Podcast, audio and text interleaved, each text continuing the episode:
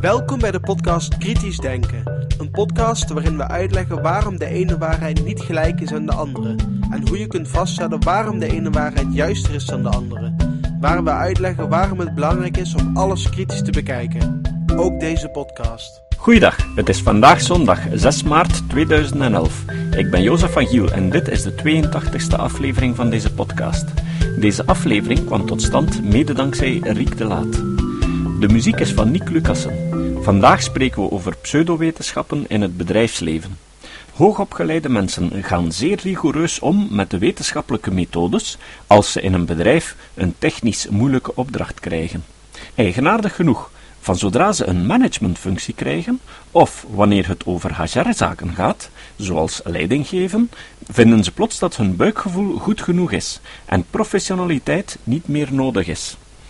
In het beste geval lezen ze een gepopulariseerd boek van een of andere guru, zoals bijvoorbeeld Jack Welch, die in zijn boek Winning vooral aan zelfverheerlijking doet, maar waarin vooral geen greintje wetenschappelijk onderzoek te rapen valt. En dat allemaal terwijl alle leiders en managers in koor roepen dat mensen hun belangrijkste resources zijn. Waarom managen ze die resources dan niet op een wetenschappelijke manier?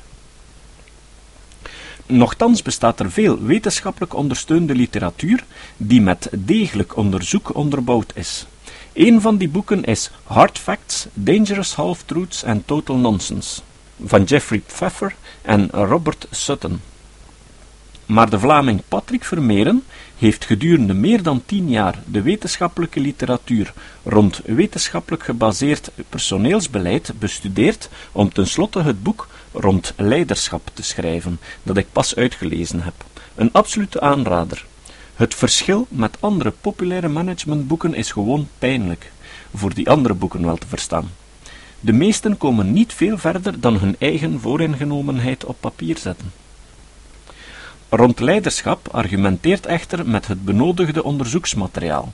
Het zou verplichte literatuur moeten zijn in alle managementscholen en universiteitsdepartementen bedrijfspsychologie. Wat zeg ik? Alle studierichtingen die mensen opleiden die later in leidinggevende functies terechtkomen, zouden dit boek moeten krijgen.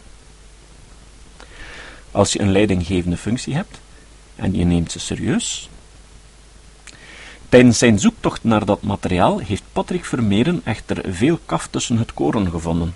Het heeft van hem vooral een goede scepticus gemaakt. En zo is hij ertoe gekomen om het boek De Hagerballon te schrijven, dat over allerlei onzin gaat, dat nog altijd heel veel in bedrijven wordt toegepast, en waar mensen nog dagelijks het slachtoffer van worden, omdat ze niet in aanmerking komen voor een functie, omdat ze de verkeerde MBTI hebben, of omdat de grafoloog het verkeerde handschrift heeft herkend. De tekst die jullie nu zullen horen is opgenomen tijdens het laatste SCEP-congres. Je hoort Patrick Vermeeren over HBDI-boer zoekt MBDI-vrouw. De tsunami van onzin in de HR-wereld. Patrick Vermeeren gaf me toelating om zijn toespraak op deze podcast te publiceren. Op de notitiepagina van deze aflevering kan je een link vinden naar de originele video, met inbegrip van slides en vragen en antwoorden. Oké, HBDI, eh, vrouw zoekt MBTI, boer. Uh, dat zegt u waarschijnlijk op dit moment nog niet veel, wat dat betekent.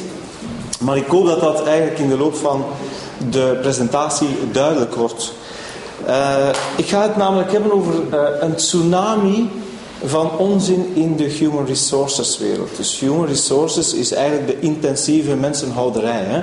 Dus uh, eigenlijk uh, zoals de intensieve veehouderij heb je ook de intensieve mensenhouderij. Hè? Mensen managt en uitperst enzovoort. Dus daar ga ik het met jullie over hebben.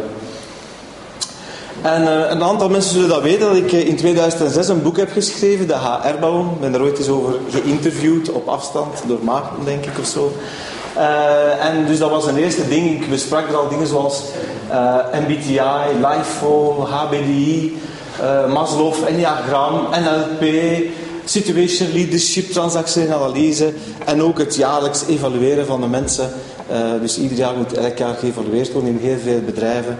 En ik had er een boek over geschreven. Want dat waren uiteindelijk de meeste dingen, had ik een opleiding gekregen toen ik bij een illustere werkgever, Dexia, werkte daar had ik al die onzin ingelepeld gekregen. En uh, waarvoor dank trouwens, want anders had ik er nooit kunnen overschrijven achteraf. Um, en uh, ik heb dan beginnen uh, modules volgen aan de Open Universiteit Psychologie. kwam tot ontdekking dat dat onzin was. Maar sindsdien, sindsdien heeft het eigenlijk niet stilgestaan. Hè. Er was natuurlijk nog veel meer dan dat Dixia mij had geleerd. Er bestaat zo'n modelletje. Uh, en kleuren zijn heel populair, dus dat wel zien.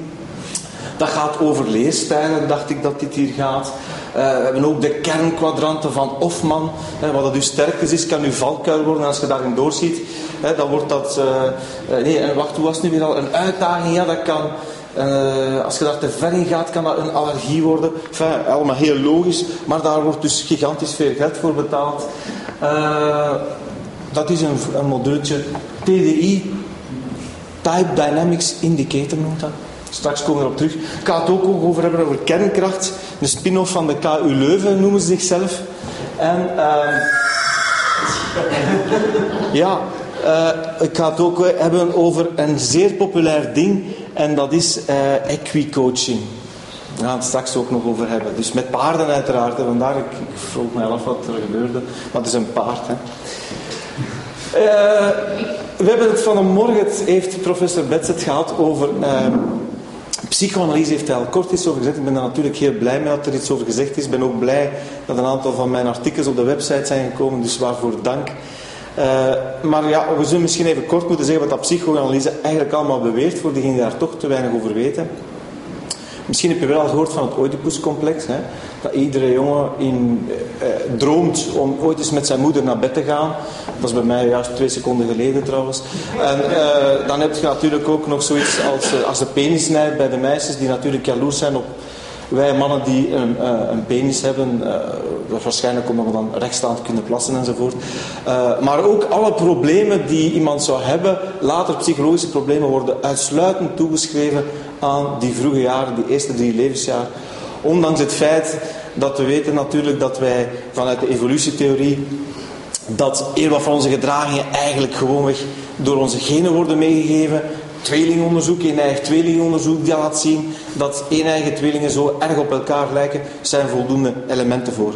Maar psychoanalyse, hè, je hebt daar eh, natuurlijk Freud en je hebt Jung en je hebt Lacan in, in, in Frankrijk. Maar het is natuurlijk onzin, maar het is ongelooflijk populair in human resources. Het is soms wat verpakt en het wordt wat verborgen, maar het is zeer, zeer populair en vooral Jung is in de house. Ongelooflijk. Jung is super populair in human resources. Dat is uh, waanzinnig. Dus we moeten eens gaan zien waar dat die allemaal uh, in naar voren. Kijk, allemaal modelletjes, allemaal die hier staan, zijn allemaal gebaseerd op Jung. Dus, en je zal ook zien dat je hebt Jung Type Indicator, Myers-Briggs Type Indicator, TDI, uh, van alles. De leercyclus van Kolp wordt al mee gemengd. Ongelooflijk. Laten we een keer even iets zeggen over MBTI. Hè. Uh, daar is toch al wat over zitten. Het staat voor Myers-Briggs Type Indicator. Dat waren, waren een, dochter, een moeder en haar dochter, die zelf zeiden van wij zijn nogal fans van Jung en wij gaan proberen een test daarop te bouwen op die types. Hè. Het gaat ervan uit dat mensen types zijn en Dames en heren, er zijn er gelukkig volgens MBTI maar 16. Hè.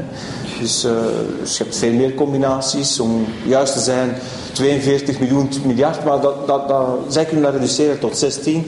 En zelfs in sommige gevallen zeggen ze misschien is 4 zelfs genoeg. Hè. Um, wat is dat eigenlijk? Ik ga nu iets volgen van, dat ik geleerd heb van een zekere professor Linienveld. Hij is onlangs ook geïnterviewd door Griet, denk ik. En hij heeft er een, een artikel over geschreven over Linienveld. Hè.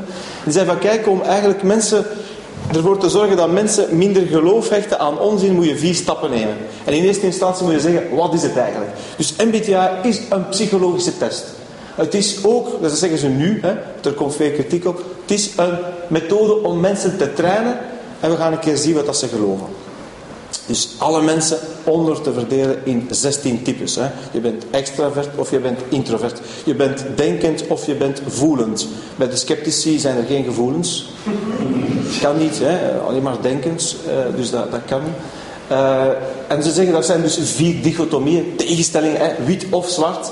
Denken en voelen zijn tegenpolen.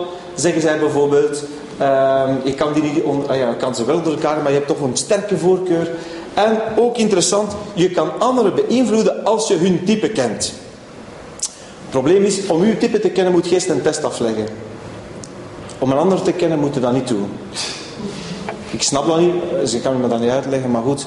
Uh, ik snap het niet als je jezelf moet leren kennen, moet je een test afleggen, maar dan om op anderen in te spelen kun je gokken blijkbaar. Dus je kunt je communicatiestijl aanpassen enzovoort. Dit is mijn type, dames en heren. Dit is mijn type. Ik ben, dat heb ik ingevuld. Hè. Je ziet daar staan, op extraversie score ik 19 punten. Op introversie score ik er maar 5. Ik ben op sensing en intuition zit ik dicht bij elkaar, maar twee puntjes verschil. Denkend en voelend, dus gelukkig, ik, ik mag bij de sceptici blijven, denk ik. En judging en perceiving, ja, niet zo wat dicht bij elkaar. dat, is, dat, is, dat is maar één ding, dat is op basis van vragen die je antwoordt. Maar wat ben ik dan eigenlijk? We gaan iets heel complex doen, iets heel moeilijk. Probeert u vooral te volgen. Je moet namelijk het verschil maken tussen de twee en dat cijfer, dat moet u verdubbelen. En dan weet u type. Heel complexe berekening. Dus verschil maken en dan maal 2. Waarom zou dat zijn, denk ik, dat ze zoiets doen? Ik heb er maar één vermoeden voor, voordat u dingen die dicht bij elkaar liggen, wat groter uit elkaar gaan liggen. Ja. Kan er mij iemand dat uitleggen? Want zij kunnen het niet, misschien hier, de sceptici wel. Waarom dat men dat gewoon moet van elkaar aftrekken en dan verdubbelen? Uh, welke psychologische theorie daarachter zou kunnen zitten? Het grotere, ja, ik dacht het ook, ja. Dat is waarschijnlijk dan, dat past dan waarschijnlijk in Jung en de psychoanalyse, fallussymbolen, wat is dat? Ja, het wordt wat groter. Dus ik ben een ESTP. Ik ben een ESTP. Dus dat is het eigenlijk wat dat ze doen. Dus u, u in kaart brengen. Je zet, en, en in sommige bedrijven hangen ze dat dan aan de muur van een ganse team. Een ESTP en een ISTJ enzovoort. En ja, als je bijvoorbeeld in de verkoop zit en je bent een I, dan ben je niet goed. Hè? Ah, nee dat, dat past dan niet. Hè? Dus er kan wat arrogantie naar het andere type ontstaan. Terwijl dat ze eigenlijk denken dat door het over die types te hebben, dat mensen meer begrip voor elkaar krijgen. Dat is hun uitgangspunt zo. Maar dat is maar een voorbeeld. Dus waarom geloven mensen erin?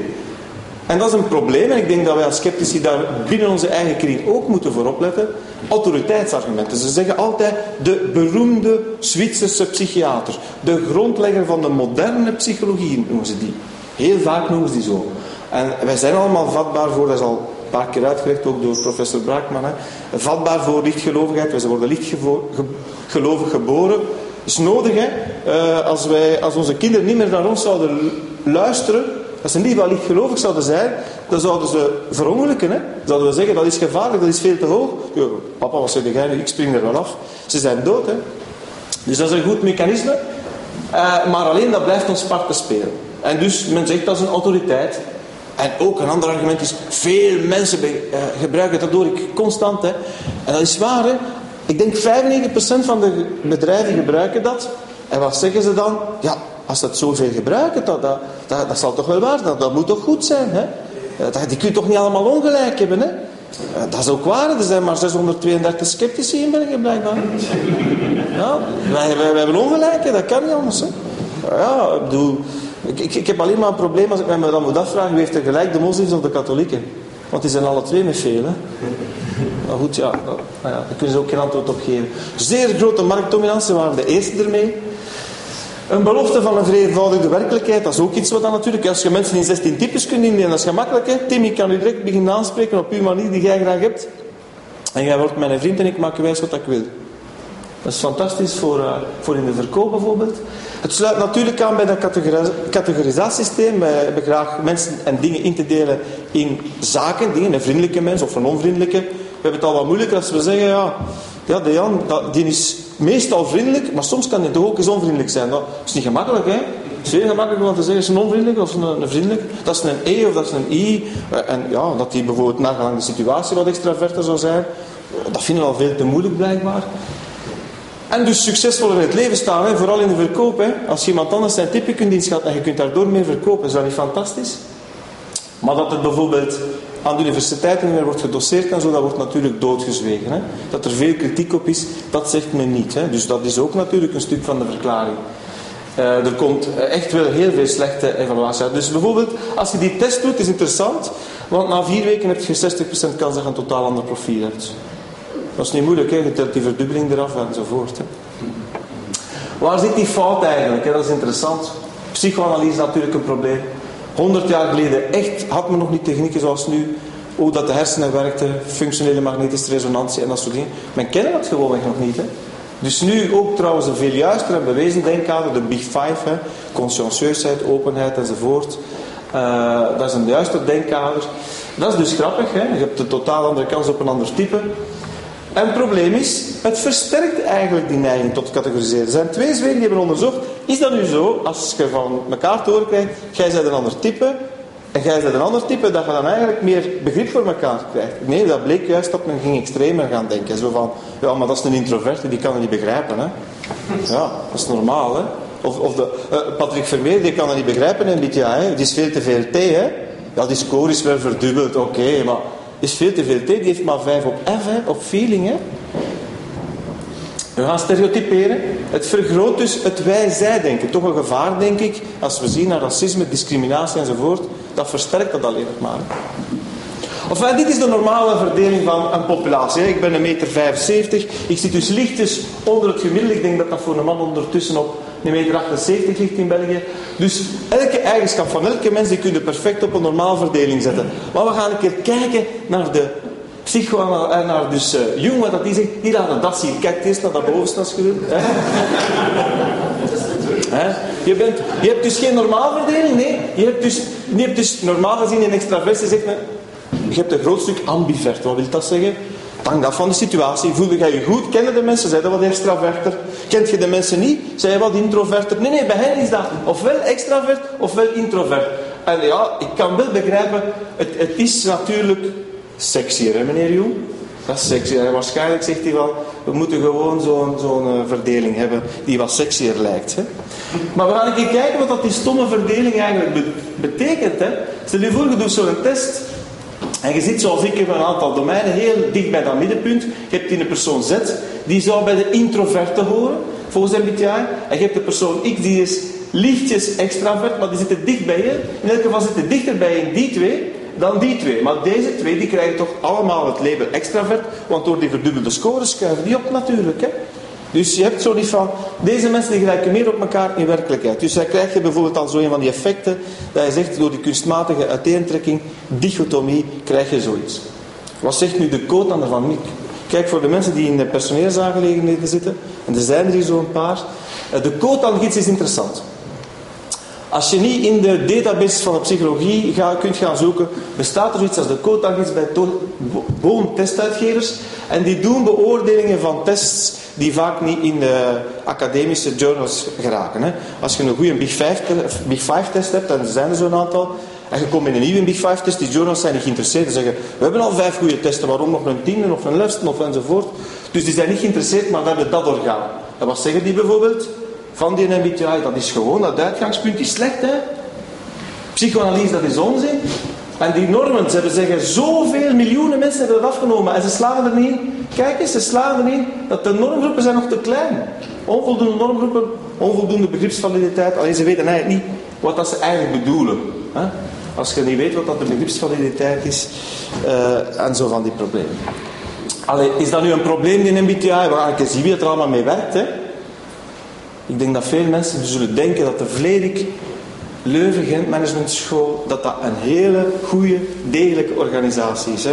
Ik kan die maar niet genoeg op de korrel nemen, want dat is het dus niet. Werken dus met MBTI. Waarom niet? Brengt geld op natuurlijk. Hè? Die business schools zijn vaak alleen maar in dat soort dingen geïnteresseerd. De top van de business schools in Lausanne, Zwitserland, IMD, werkt met MBTI. Geen enkel probleem. Zou de Universiteit van Leuven ermee werken? Jawel hoor. Ga maar eens gaan surfen op de website van de KU Leuven en je zal zien, ze werken met MBTI. SD Works, Sociaal Secretariaat, MBTI. Acerta, Sociaal Secretariaat, MBTI. Amelior, de vroegere uh, kwaliteits van de, wat dat nogal veel met ingenieurs en zo geen uh, opleiding volgen, werkt met MBTI. De Vlaamse Ingenieurskamer, ook al mee bezig geweest hoor. De VIC en zo, die vallen ook allemaal voor dat soort dingen. Dus het is wel echt ongelooflijk verspreid. Hè? Je kan er natuurlijk uh, gemakkelijk geld mee verdienen. Het is een laag instap en je kan er gemakkelijk geld mee verdienen. Dus je ziet, het zijn niet de minste die eigenlijk zich daartoe lenen, die daarmee bezig zijn. Ik heb één lichtpuntje gevonden. De UAMS, die business school, die van Antwerpen, die werkt daar niet mee. Ik heb tal van modellen aan het zoeken geweest op hun website en ik vind geen pseudowetenschap daar. Dat is een lichtpuntje. Voor de rest is het Maar je moet alleen maar de rode dingen lezen. Een andere test van, gebaseerd op Jung. Je mag even kijken wat erop staat soms. Maar het wordt, het beter hoor, al die dingen. Hè. Team Dynamics toont wie u bent. MTRI toont wat dat je doet. En dat is goed om teams samen te stellen en je hebt acht teamrollen. Dus je kunt dus op basis van Jung zo gezegd een perfect team samenstellen. En het is een, vriend, dus het is een vriend, uh, wetenschappelijk verantwoorde methode, zeggen ze. Dat is niet waar, maar ze beweren dat. En je bent een van de volgende types. Die staan hun types. Inspecteurs, beschermers, gidsen, onderzoek enzovoort. Zeg, kijk, dat is gebaseerd op Carl Jung. En dat is dus een van de grondleggers van de moderne psychologie. Zo wordt die eigenlijk... Eigenlijk wordt er daar een soort autoriteitsargument op gevoerd en proberen mensen te zeggen, dit is degelijk. Dan zeggen ze, kijk, de drijvende kracht achter dat model is Roy Childs, een krak in psychometrie en hij heeft samengewerkt met de bekendste auteurs van persoonlijkheidsvragenlijsten. Ja, ik ben een beetje, ik ben natuurlijk, hè, psychoanalyse zullen dat direct zeggen, hè, dus de mensen van de psychoanalyse zullen direct zeggen, Patrick die is gek, hè, die is uh, misschien niet narcistisch, maar toch paranoia, zoals de meeste sceptici trouwens. Ik denk er altijd dat er iets achter zit. Uh, dus ik ga maar eens gaan kijken op de database van de American Psychological Association. Niks te vinden. Niks te vinden. Niks over TDI, maar ook niet over die Roy Childs. Dus die blijkt helemaal niks gepubliceerd te hebben. Dus men durft gewoon weg liegen, zonder, echt, zonder enig probleem. Dat is ook weer al zoiets aan een eh, ding, je moet kiezen. Hè? Dus tussen, ik verkies standaard manieren om dingen te doen, of ik hou van nieuwe ideeën ontwikkelen, maar je hebt het een of het ander. Hè? Dus het is ipstatief eigenlijk, dus je moet zo'n score geven. Uh, uh, dat zijn allemaal van die dingen. Ipstatief is ook een probleem. Hè?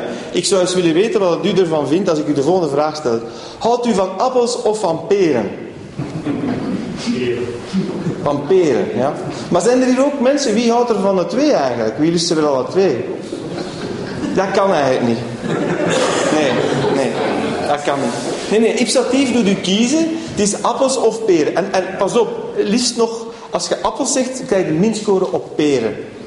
Terwijl een, een goede test is zal zeggen, op een schaal van 5, hoeveel had je van appels? En de ene gaat zeggen 5, en de andere gaat zeggen, ah nou, peren 3. Een beetje meer appels dan peren, maar toch nogal 2. Nee, nee, daar is het een of het ander. Dus dat kan niet. Hè? Dus we moeten wit-zwart leren denken voor met die mensen mee te zijn. Hè? Ah, je, je, ziet hier ook, eh, dat is een ander modelletje, Jung en Koop. Heel populair, is ook door Linienveld aangepakt, leerstijl. Maar nu begint met die twee te mengen. David Kolb is een pedagoog en die zegt, mensen hebben eigenlijk een leescyclus om te leren.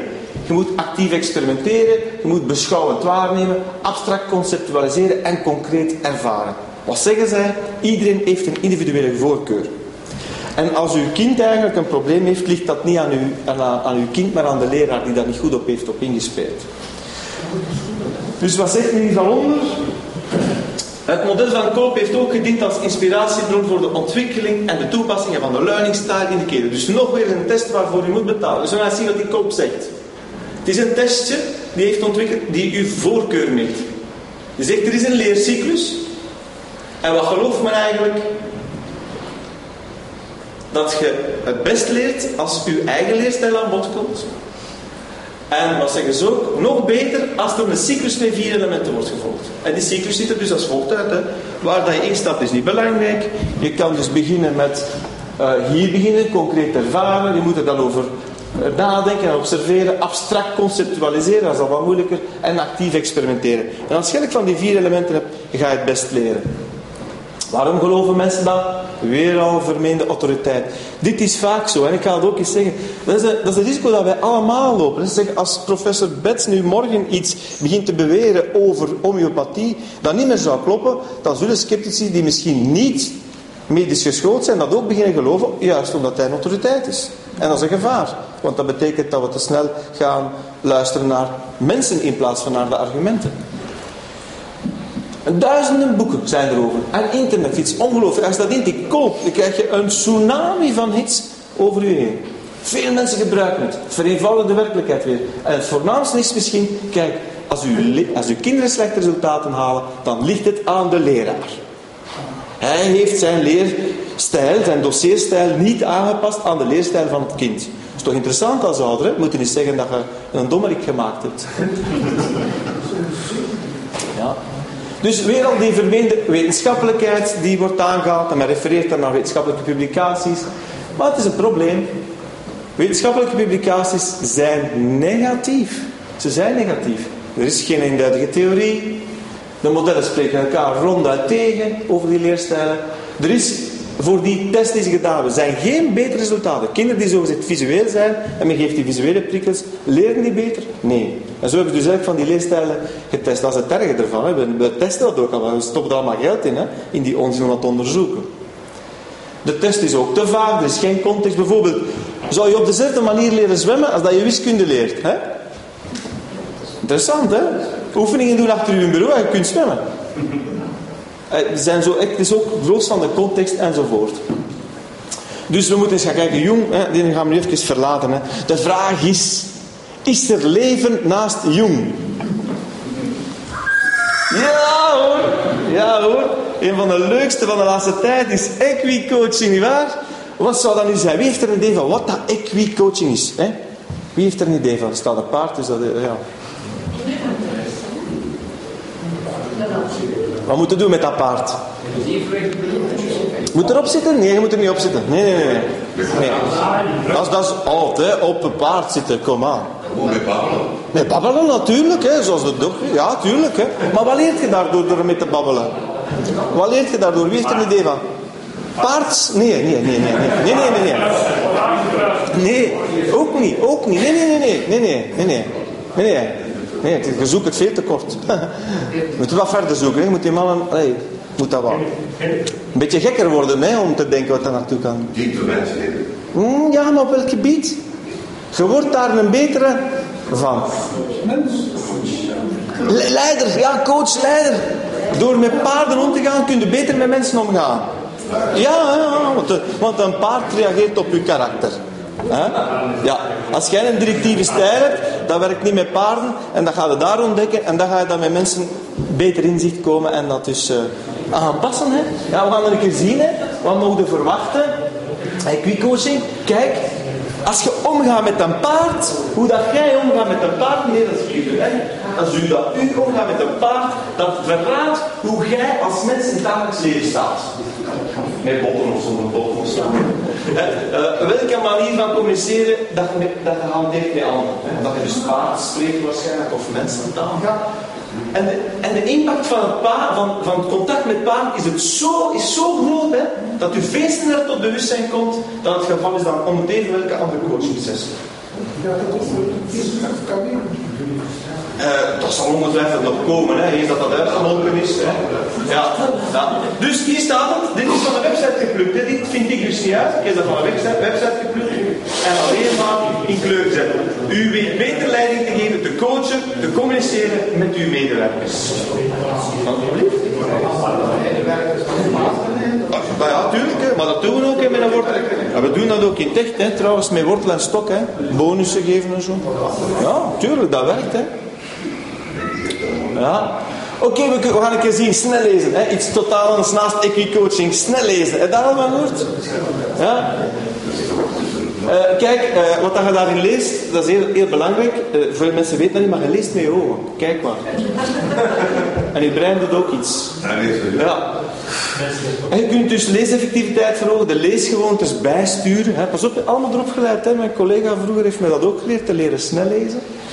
Wat zeggen ze? Wat, er? Wat beweren ze? U verdubbelt. Kijk in één zin. Kijk wat er in één zin staat. Ik weet niet of u dat goed ziet. Eerste stuk. U verdubbelt op het eind van de dag uw leesnelheid. U leest drie tot vier maal zo snel. Ja, maar het is niet snel rekenen, net het is snel lezen. Hè. Ja, maar dan moet je niet bij die mensen beginnen lachen. Hè. Het gaat over snel lezen, niet over snel rekenen. Ja, ja. Ja, dat is maar... Goed, rekenen is niet de scherpste kant, maar dat, dat laten we even in het midden. Hè. Uh, je begrijpt dus de werking van het oog en het brein bij het lezen. En dus de gemiddelde leesvaardigheid is 250 woorden per minuut. Maar Inge Provost, een Belgische mevrouw, die heeft 1500 woorden per minuut. Maar dat is die kampioen. Howard Stevenberg. En die kan 30.000 tot 40.000 woorden per minuut verslinden. Pas op, pas op. Ja. Uh, zonder het begrip van wat hij leest te verliezen. Hij heeft alles gesnapt. Hè. Oké. Okay. ja. Waarom geloven mensen dan nu? We gaan dat op, op dezelfde manier doen. Waarom geloven ze dan nu? Hè? Dat is een ongelooflijke mythe. Hè? Ik heb het, het artikel over alfa-training, die mevrouw die schrijft dat ook, van uh, wij gebruiken maar 10% van ons brein. Zij zegt dat Einstein dat heeft beweerd. Hè? Ja, die mevrouw zegt. Ja. ja. Die gebruikt maar 10%. Is dat zoveel? Ah. Ja, maar ja, u zal dat beter weten als ik. U bent dokter, hè. Eh, ja. Dat wist ik nu, ja. ja. Dus het belooft u om snel veel slimmer te worden. Het belooft u een geweldige tijdsvinst. Verdubbeling, verviervoudiging. Even grondig. Dus waarom zouden we dat niet gaan doen? Want ik ben een veellezer, dus zou dat ook wel graag hebben. Wel, het probleem is dat... Dat is getest weer al. Het is weer al eens getest. Hè. Dus dat vermindert wel degelijk het leesbegrip natuurlijk. Maar het grappige is dit hier natuurlijk. Het gaat sneller dan de menselijke oogbol. Want als wij lezen, dan hebben wij cassades, uh, nee, uh, saccades, dat zijn springen. Ons oog springt, dat is geen vloeiende beweging. En je kunt dat zien als je iemand ziet lezen. Hij kijkt naar zijn ogen en is dat allemaal zo van die gekapte microbewegingen dat hij maakt. Maar ons menselijk oog, gewoon puur biologisch gezien, kan nooit meer dan 300 woorden per minuut aan. Om dan te zeggen dat naar 30.000 of 40.000 kan. Het is gewoon de essentie. Alleen gewoon even naar de biologie gaan en het kan. Hè? Maar goed, wat dat ook leuk is in ons vakdomein, echt heel leuk, dat allemaal met kleuren en met cijfers. Hè. Kijk maar eens hoe, hoe mooi. Dat is toch sexy, hè? Dat is toch, uh, is toch gewoon echt sexy. De leraars ons zo een keer wat zouden meegeven in, in school, dat is echt heel mooi. En uh, dat is ook heel goed. Hè. Het, het magisch nummer 7 in ons vakgebied. Ongelooflijk, dat is echt een magisch nummer. Kijk maar. De zeven eigenschappen van effectief leiderschap. De zeven stappen naar meer geluk op het werk. Getting things done in zeven stappen. En je hebt hier Cultuurnet Vlaanderen, de overheid doet ook mee, maar dat komen we de overheid is een toffe sponsor. Gedragsverandering in zeven stappen. Hier, Amelior, van zeven stappen naar de diagnose van een organisatie. Ongelooflijk. Hier ook hebben we nog een paar, allemaal zeven. Zeven stappen de de baas gedacht in zeven stappen. Spijt dat dat niet in één kan. Hè?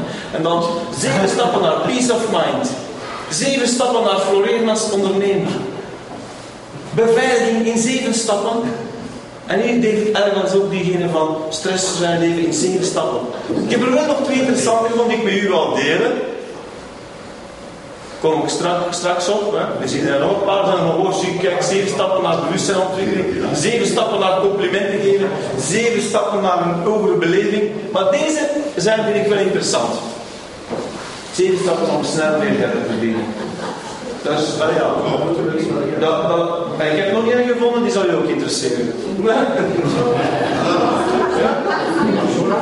Zeg, daar kun je toch iets, iets aan hebben. Hè? Draai je leven toch alleen maar nostalgie, seks uit. Wat interessant dus. Toch interessant? Dus zijn er dingen te vinden. Hè? Enfin. Draait natuurlijk in ons vakgebied echt wel vaker ons gewoon eenvoudig, simpelweg geld verdienen. Gaan we eens een keer een paar doorlichten van waar zijn de grote geldmachines. Hè? Amelior, ja, die moesten als eerste komen. Uh, voor mij zijn het, is het de kampioen, de leerstijlen, Jungs TDI, de situational leadership, snel lezen en natuurlijk, dat mocht toch niet ontbreken? Dat mocht niet ontbreken natuurlijk. Hè? Dat zijn echt geweldige gasten hoor. Die, die hebben het goed bekeken. Dat is een echte goede geldmachine. Hè? Kluwer, toch een, hè, een orgaan dat ook soms wat wetenschappelijke publicaties heeft. Wat zullen we bij Kluwer vinden? Zou dat degelijk zijn? Wel, nee, laten we beginnen met NLP, Situational Leadership, MBTI. Ah ja, waarom niet? Uh, Stephen Covey, zo de, de guru. Uh, die zegt ook over die zeven stappen naar effectief leiderschap. Jim Collins, die een boek heeft geschreven. Good to Great, NLP. Dus ja, goed bezig. En Hofman ook natuurlijk. Enfin, dat zijn, uh, dat zijn de krakken. Natuurlijk, er zijn ook andere aanbieders. We moeten een kat en kat noemen. Je hebt ook nog de sociale secretariaten. Hè. Dus die, hebben die markt ook ontdekt van de opleidingen, eh, correcte loonberekening. Je veronderstelt toch dat die mensen wat correct met ons omgaan. Hè. Dus laat ons daar een keer gaan naar kijken. Ai, MBTI, SD-Works, NLP, NLP, ai, ai, ai. Oh, NLP en MBTI. Allee, goed Geert. Uh, logische denkniveaus ook met NLP te maken. Dus SD Works helaas ook... We gaan eens kijken naar de CERTA dan. Hè. Zappen. Ai, ai, ai, Myers-Briggs. Dat is ook MBTI. Er zijn ook nieuwe sterren. Hè. Dus sociaal secretariat moeten we ook al even van, uh, uh, van uh, verwachten. Dus gaan we een keer naar de nieuwe sterren kijken. Een fantastische kerel. Hè. Heeft persoonlijk naar het schijnt twee Porsches. Karel van der Velde, we gaan hem uitzoeken. Heeft tot zijn 16 jaar naar school geweest. Ik heb een brief bij van zijn familie, van een familielid, die ik eens met een paar sceptici strak wil bekijken. Uh, maar die man zegt van, kijk, personal mind power. Al meer dan 10.000 mensen hebben het gevolgd. Hij is 10 jaar bezig, beweert al meer dan 100.000 mensen te hebben gecoacht. Uh, wat zegt hij allemaal? Dus personal mind seminar, die, die, die maakt heel veel met uh, filmpjes en zo. Dus dat is de man van de tien stappen. Tien stappen. Hij is nog maar, hij is nog maar tien jaar bezig. Hè? We moeten nog drie jaar doen. Hè? Ja. Maar is nog maar, ja, dat, is normaal. Tien jaar is niet genoeg. Hè? Uh, dat snapt wel. Dat moet je niet kwalijk nemen. Hè? Maar uh, er, succes en geluk is beloofd. Hè? Uh, wat kan die man onder andere? Uw topverkoper maken in één dag. Eén dag, topverkoper. Ja, andere mensen hebben daar 10 of 15 jaar voor nodig. Nee, nee. Dat, zijn de dommerikken natuurlijk. Hè. Als je dat in één dag kunt, kost trouwens maar 800 euro of zo zeker. Dus uh, geen probleem. Top speech in twee dagen. Hè. In twee dagen een topspreker worden. Hè. Ja, ik ben daar niet bij geweest, dat ondervinden we natuurlijk. Dus, uh, dat is de manier om er te komen. Hè. Plankjes breken, dat hoort daarbij op dat seminar. Dit is hij. Hè. Dit is Karel van der Velde, je ziet een microotje. En een vrouw die breekt toch wel geen plankje in twee zeker? Of dat voorgezegd is, of zo, dat weet wat u, dat moet je niet zeggen.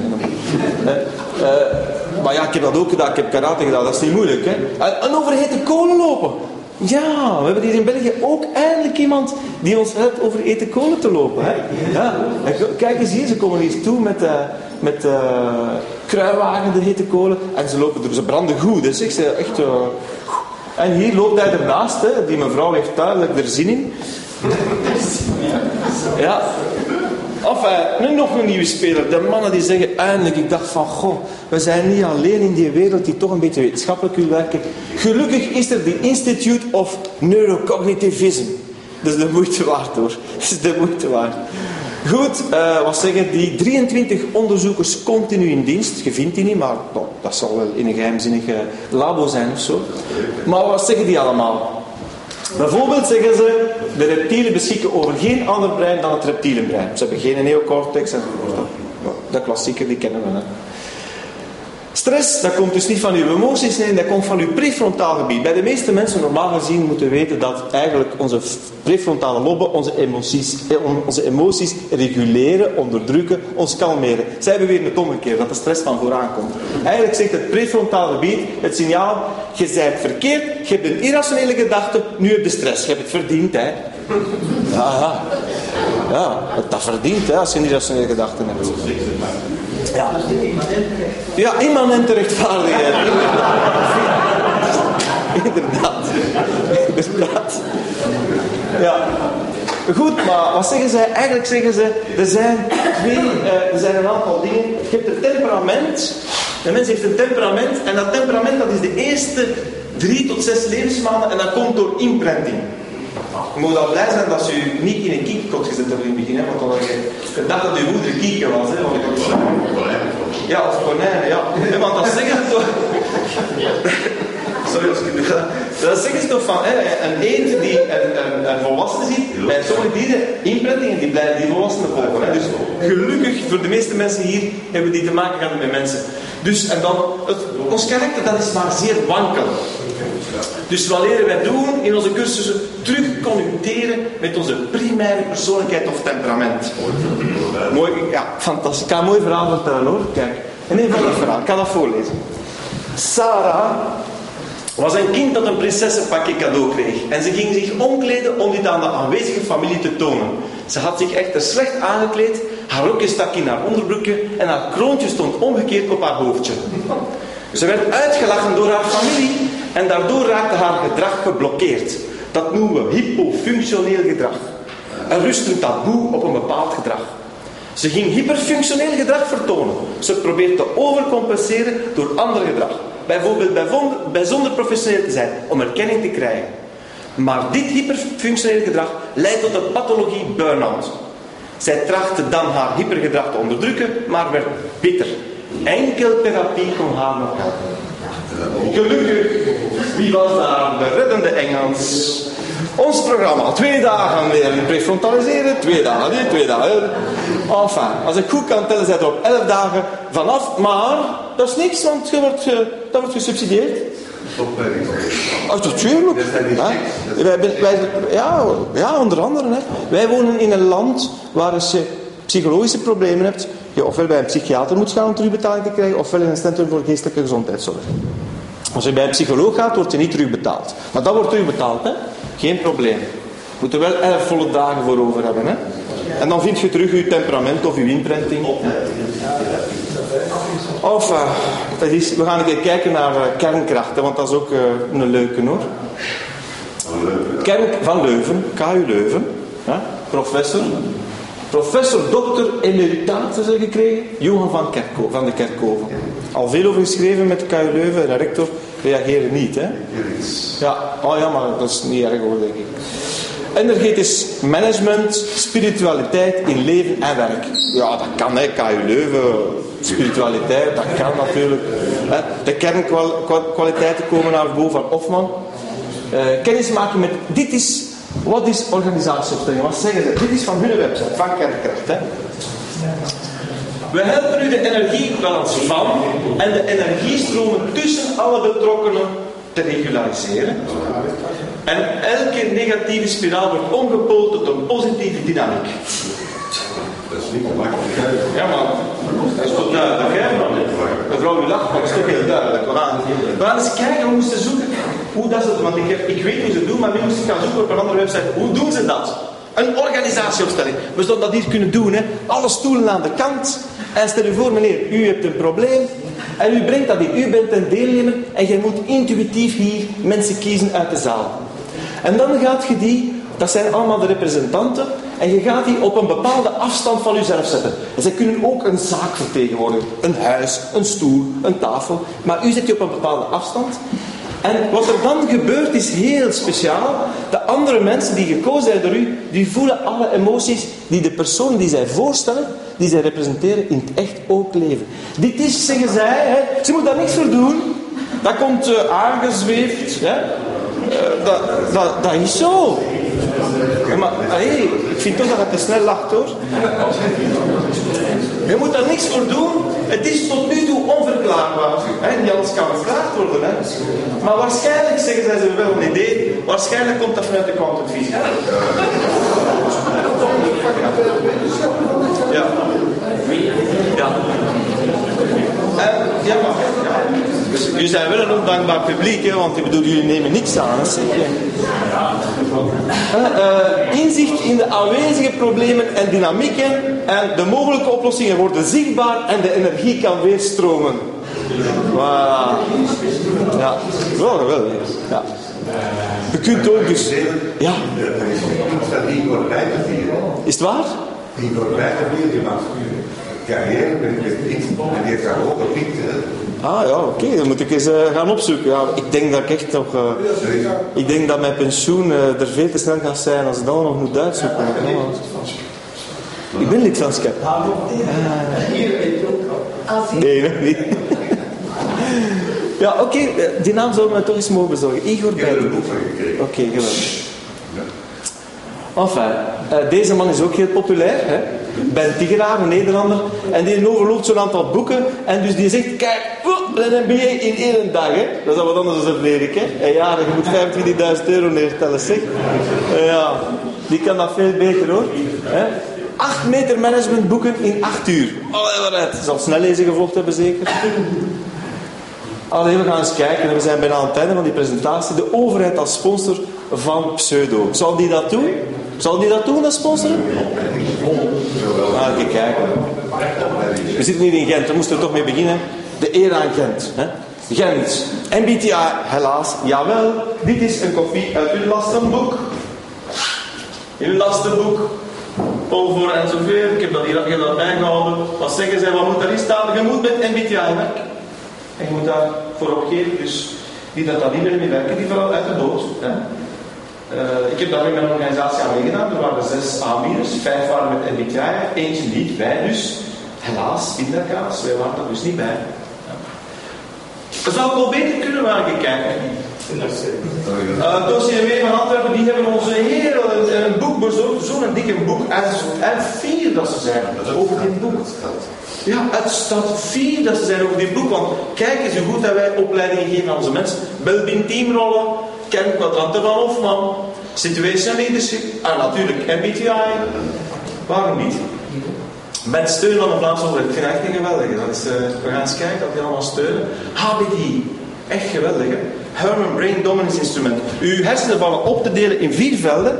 En dat betekent, dat geeft u een bepaald denkvermogen. Je hebt de analytici, je hebt de, meer de, de, de, de zwevers en je hebt andere. Dus vier uh, eigenlijk kwadranten noemt men dat. Die mensen die zeggen, Roger Sperry, Nobelprijswinnaar hersenonderzoek, heeft daaraan meegewerkt. Die man is helaas overleden. Wij contacteerden zijn opvolgers die nog met hem gewerkt hebben. Hij heeft daar nooit aan meegewerkt. Die, die dachten dat het een joke was. Letterlijk, ik heb dat ook in mijn eerste boek geschreven. We thought it was a practical joke, schreven ze. Maar wie promoot dat? De topmanagers van de Vlaamse overheid gaan daardoor. En Jan Baten van FOD Werkgelegenheid is zegt... Het is eenvoudig te vatten en het geeft een andere kijk op samenwerken. Ja, dus ook maar vier kleuren. Hè? Een stuk eenvoudiger dan 16 types natuurlijk. Ja, tuurlijk. Ja.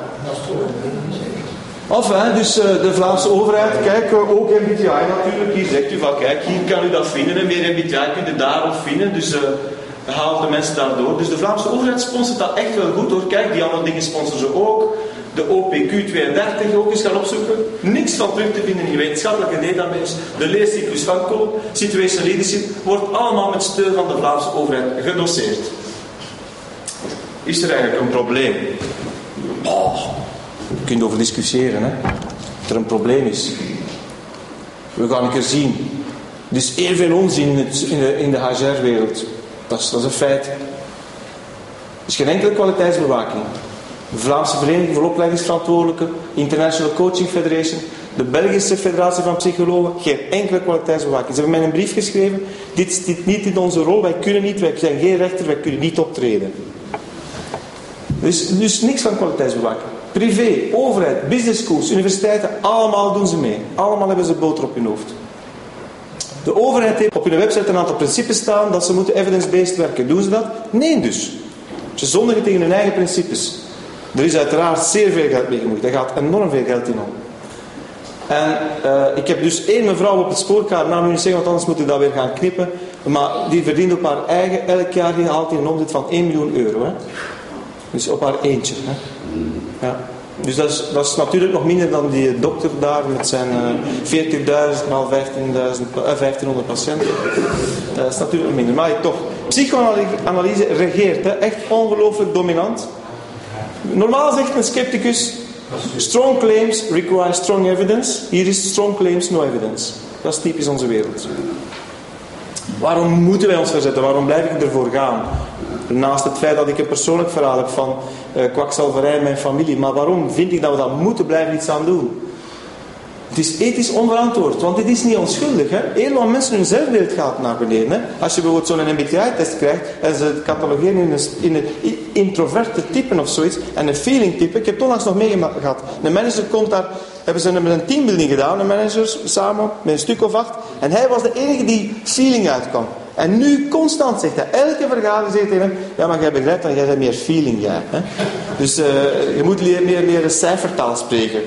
Ik heb hem de cursus equicoaching aangeraden. Ja. Mensen geven daar dus hun carrièreplannen mee op. Dat is een mogelijkheid. En ze denken, ik ben zo, hè, ik kan daar niks aan doen. En ja, ik ben zo en ik kan daar niks aan doen. En er zijn dus ook echt gevaarlijke charlatans. We zijn, ik ben nu op spoor van een dame die een voorwoord heeft gekregen van Inge Vervotte, die dus beweert dat je met alfa-training met een tumor van een kanker kunt communiceren. Hè? Ja, ja. ja. Dus ik, ik heb een boek eh, besteld. Ik heb hem nog niet toegekregen. Ja. Geweldig, hè? Dus het gaat ook over gezondheid. Ze, ze begeven zich op het terrein van gezondheid. En het is juridisch natuurlijk echt wel problematisch, want eigenlijk is misleiding verboden. Hè? U heeft in het, in het boek, het woordenboek van de scepticus, daar een voorwoord over geschreven. Het is eigenlijk verboden. En straffeclaims moeten eigenlijk bewijzen, maar dat doen ze niet. En het is zeer oneerlijke concurrentie. Dat zijn mijn argumenten waarvoor ik er eigenlijk blijf voor gaan. Dank u wel om mij te luisteren.